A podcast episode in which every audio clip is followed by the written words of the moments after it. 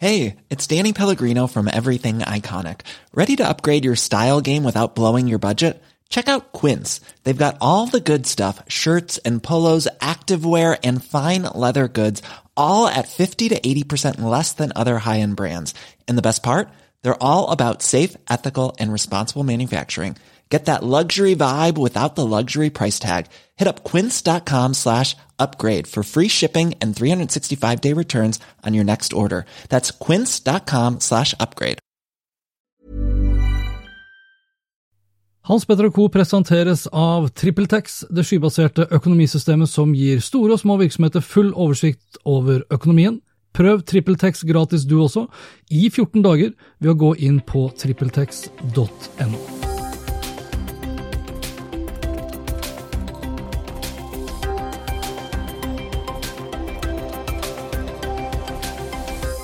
Skolen krever å kunne bruke bilder av min datter til markedsføring. SAS vet fortsatt ikke hvor jeg bor, selv etter 25 år som kunde og Oslo-borger. Skipsted har revurdert ting i 180 år, og Petter Stordalen har gått i reklamefella.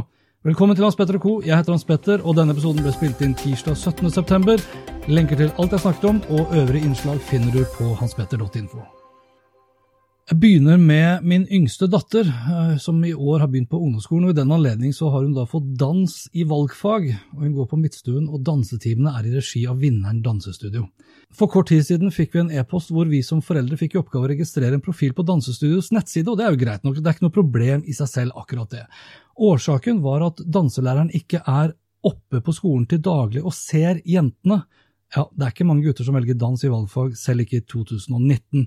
Og Derfor ble vi oppfordret til å lage en profil for at danselæreren skulle lære seg elevene å kjenne ved navn og bilde, samt å ha full kontaktinformasjon til oss som foreldre i tilfelle behov eller en ulykke.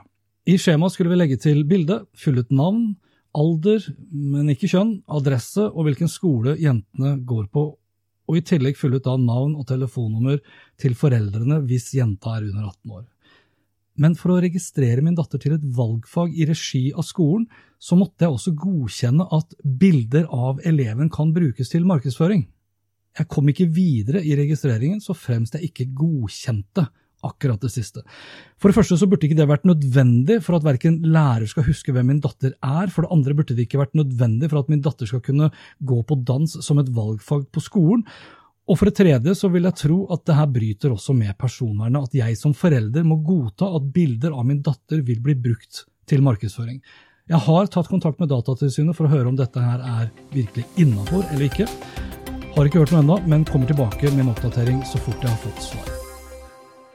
Hei, Hans Petter, skrev SAS i en e-post til meg forleden dag, uten bindestrek for øvrig, selv om bindestreken er inkludert i min profil hos SAS. Men det er ikke poenget her, altså. Videre så skriver de da i e-posten følgende. Nå er det bare fem dager igjen til din reise til Oslo. Skreddersy reisen etter dine ønsker, slik at den blir akkurat så behagelig som du vil ha den. Ærlig talt, SAS bør vite at jeg bor i Oslo, og at dette er kun snakk om en returreise. Jeg har vært medlem av SAS siden jeg begynte å jobbe for 25 år siden, og i samtlige av de 25 årene så har jeg bodd i Oslo. Data er den nye oljen, som klisjeen så pent heter, eller det nye gullet som digitaliseringsminister Nikolai Astrup skrev i Aftenposten for kort tid siden, hvor han dog da legger til det viktige her. Data må deles, foredles og gjenbrukes for å ha verdi. Da blir data gull, men hvis vi bare sitter på dem, er de egentlig ikke mer verdt enn gråstein. Og det her er ikke en konsekvens av innføringen av GDPR. Dette er rett og slett dårlig håndtering av data. I løpet av mine 25 år som SAS-kunde så har jeg lagt igjen enorme mengder med data. Data som SAS behandler som gråstein, og ikke som gull. De vet f.eks. hvor jeg liker å reise på ferie, de vet hvordan jeg foretrekker å reise i jobbsammenheng, de vet hvor ofte jeg reiser med bagasje, hvor mye bagasjen min veier, hvor jeg liker å sitte, og at jeg f.eks. For foretrekker å være tidlig ute, ikke bare for å slippe stress, men for å ta meg en liten pustepause i en av loungene deres. De vet når jeg reiser alene, og de vet også når jeg reiser med familien min. Og de vet ikke minst at jeg bor i Oslo, og at jeg nok ikke trenger så mye hjelp til å skreddersy reisen min etter at jeg har vært på en liten jobbreise i Stavanger. For bare to år siden så gikk SAS hardt ut og proklamerte at de skulle bli et livsstilsselskap. At de ville selge melk, brød og pizza i SAS-appen. Da het det at, og jeg siterer, SAS befinner seg på en reise fra en døende dinosaur til et livsstilsselskap, og det skulle ikke stå på mulighetene for hva SAS kunne hjelpe oss kunder med via SAS-appen. Primus motor for den store offensiven var Eivind Roald, som hadde vært gullmedlem siden 1992, tre år før meg, og som gikk inn i SAS i 2012 etter å ha vært toppsjef i HP Norge i syv år. Til Budstikka sa Eivind Roald den gangen at og jeg siterer, SAS har en unik fordel med 25 millioner reisende i året. Den kunnskapen og innsikten som selskapet har om kundene sine, må utnyttes bedre enn det gjøres i dag. Vi må finne frem til det som gjør at folk velger SAS fremfor et annet flyselskap. Nå har for øvrig Eivind Roald forlatt SAS, men snart åtte år senere så har vi ikke sett så veldig mye til verken pizza eller brød. Og snart åtte år senere så har fortsatt ikke SAS utnytta den kunnskapen og innsikten selskapet har om meg som kunde. For SAS virker det som om data ikke er gull, men gråstein. Om litt så skal du få høre mer om det nye sosiale nettverket fra Digital Norway, og om Petter Stordalen som gikk i reklamefella. Men først så skal vi få litt relevant reklame. Jeg tror det er stor sannsynlighet for at du som hører på vil få behov for Check-in, et norsk påmeldingssystem som hjelper deg å bruke mindre tid på administrasjonen av ditt seminar eller konferanse, og mer tid på å skape det beste arrangementet. Check-in automatiserer mange av de administrative oppgavene og frigjør derfor tid, og nettopp derfor har virksomheter som Oslo Business Forum, Dagens Næringsliv, Netlife Design og Kreativt Forum fått en bedre hverdag etter at de valgte Check-in. Sjekk ut Check-in nå på checkin.no slash Hans Petter. I 2017 så ble Digital Norway lansert. Tolv norske storselskaper går sammen i en digital allianse, skrev Dagens Næringsliv. Tor Olav Mørseth fra Adresseavisen ble hentet for å lede digitaliseringen av det norske næringslivet.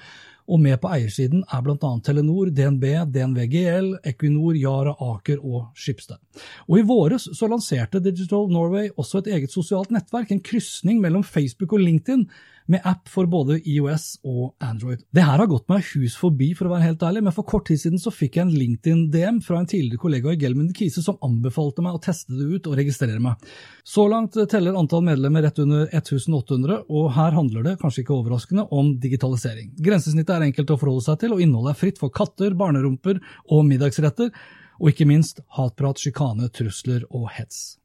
Er du som hører på opptatt av business, næringsliv og digitalisering som sådan, så vil jeg anbefale deg å sjekke ut Digital Norways nye sosiale nettverk. Gå inn på digitalnorway.com og registrer deg nå. For kort tid siden så kunne vi lese at Skipsted bruker millioner på ny logo. Navnet skal endres, og et nytt slagord skal bidra til å gjøre mediekonsernet mer synlig. Vi har sett behovet i Skipsted ganske lenge, kunne konsernsjefen i Skipsted Kristen Skogen Lund fortelle til kampanje. Og for ordens skyld, det her er ikke en rant fra meg, altså. Oppussingen av logoen har kosta seks millioner. Det inkluderer eksterne konsulenter med implementering av selve logoen, og det har jeg for øvrig null problemer med. Det jeg reagerer på, eller kanskje stusser over, eller stiller spørsmålet ved, det er det nye slagordet. Et slagord som skal trekke en linje tilbake til Skipsteds opprinnelse for 180 år siden. Rethinking Things Since 1839, heter det. Ann Akselsson, som er prosjektleder i Schibsted, og prosjektleder i dette tilfellet, påpeker at Schibsteds konkurransefordel er at deres konkurrenter ikke har vært på markedet i mer enn 10-15 år. Og da spør jeg meg sjøl egentlig om det virkelig er en konkurransefordel. Altså 180 år med historie setter sitt tydelige preg på kulturen. Og 180 år med kultur, godt limt inn i korridorer og vegger, det setter også sitt preg på evnen til å tilpasse seg et nytt medielandskap. Et medielandskap som i stor grad er preget av selskaper som i mange tilfeller ikke er eldre enn 10-15 år. Og det er nettopp de yngre selskapene som har preget Schibsteds posisjon og økonomi i løpet av de 10-15 årene som har gått. Daværende konserndirektør Birger Magnus sa bl.a. følgende i 2007, da Google begynte å gjøre seg virkelig gjeldende her til lands. Google har en utrolig evne til å tiltrekke seg annonsekroner, og har en usedvanlig vekst. Konsekvensene vil være betydelige hvis ikke Schibsted makter å utvikle annonsesystemer som kan konkurrere med Google. I dag ser vi tydelig hva konsekvensene har vært, og siden 2007 så har også Facebook tatt en betydelig andel av det samme reklamemarkedet. Jeg spør rett og slett om det er nok å tenke på ting, eller revurdere ting, som faktisk da rethinking betyr selv om man da har gjort det i 180 år. Spesielt i et mediemarked som endres så raskt, så er det kanskje viktigere å handle og ikke bare vurdere eller revurdere eller tenke. Når det er sagt, så har jo Schibsted gjort veldig mye, og mye riktig også. Det er veldig lett for meg å sitte her og si at Schibsted burde tatt konkurransen fra Google skikkelig på alvor i 2007, og at de ikke burde ha avfeid Facebook som en litt sånn brysom aktør da sosiale medier begynte å ta av for alvor noen år senere. Disrupsjonen som internett, smarttelefoner og sosiale medier har vært instrumentale for, har også gjort ganske så mye hva gjelder levedyktigheten til eldre selskaper. For 100 år siden for eksempel, så var gjennomsnittlig alder på et SOP 500-selskap nesten 70 år. Altså de største amerikanske selskapene. I dag er gjennomsnittsalderen kun på 15 år. Ser man på verdens ti største selskaper i dag, med unntak av Berkshire Hathaway og Johnson Johnson, så er gjennomsnittsalderen på under 24 år. Og da har jeg regnet med Apple og Microsoft, som er henholdsvis 43 og 44, mens de øvrige ligger på rundt 20. Det er ikke gitt at de yngre selskapene vil spise de eldre, men historien har vist nettopp det. En undersøkelse fra Yale School of Management viser til en utvikling i retning av at så mange som 75% av SAP-selskapene i USA vil være borte innen 2027. Og Tilsvarende tendenser ser man også i Storbritannia, hvor 75% av de største selskapene i 1984 hadde forsvunnet i 2012. Yngre selskaper, spesielt de som har vokst opp med internett, vokst opp med smarttelefoner og sosiale medier, de bærer med seg mye mindre grad av analog gjeld. De er i mindre grad preget av en eldre kultur som har satt seg i veggene. De beste av de yngre selskapene er bedre skrudd sammen for å kunne endre seg nettopp raskt, i takt eller kanskje til og med i forkant av fundamentale endring og utvikling av ny teknologi som disrupter eksisterende forretningsmodeller. Det er kanskje ikke godt nok å change fast and break things, som var slagordet til Facebook inntil 2018, men jeg tror heller ikke det er godt nok å revurdere ting, selv om du har gjort det i 180 år. Jeg runder av denne episoden med noen kortere oppdateringer, for Klassekampen skriver nå at Petter Stordalen har gått i reklamefella. Hans 190 000 Instagram-følgere har flere ganger sett ham posere med bøker fra Strawberry-forlagene, altså hans egne bøker i hans egne forlag, og dette kan være ulovlig reklame ifølge Forbrukertilsynet. I Sverige har et lignende tilfelle ført til domfellelse fra Reklameombudsmannen, og det gjaldt da merkevaresjefen for energidrikken Noco. Han hadde lagt ut et bilde av sin egen drikk på sin private Instagram-konto, hvor han anbefalte drikken overfor da nesten 90 000 følgere. Svenske Resumé skriver at det nå åpnes for at alle ansatte i selskapet må merke innlegg for produkter i det selskapet de jobber for. Instagram ser ut til å kopiere TikTok med en ny funksjon som har fått navnet Clips. Med Clips skal da brukere kunne samle videoklipp, legge på musikk og endre hastigheten på avspilling. Og mens vi er inne på Instagram hvis selskapet nå skulle vise seg å gjøre alvor av å skjule antall likes, eller hjerter da, for å være mer korrekt, så vil det nok også endre influencer marketing, skriver InspireMe på sin blogg. Og det til det bedre.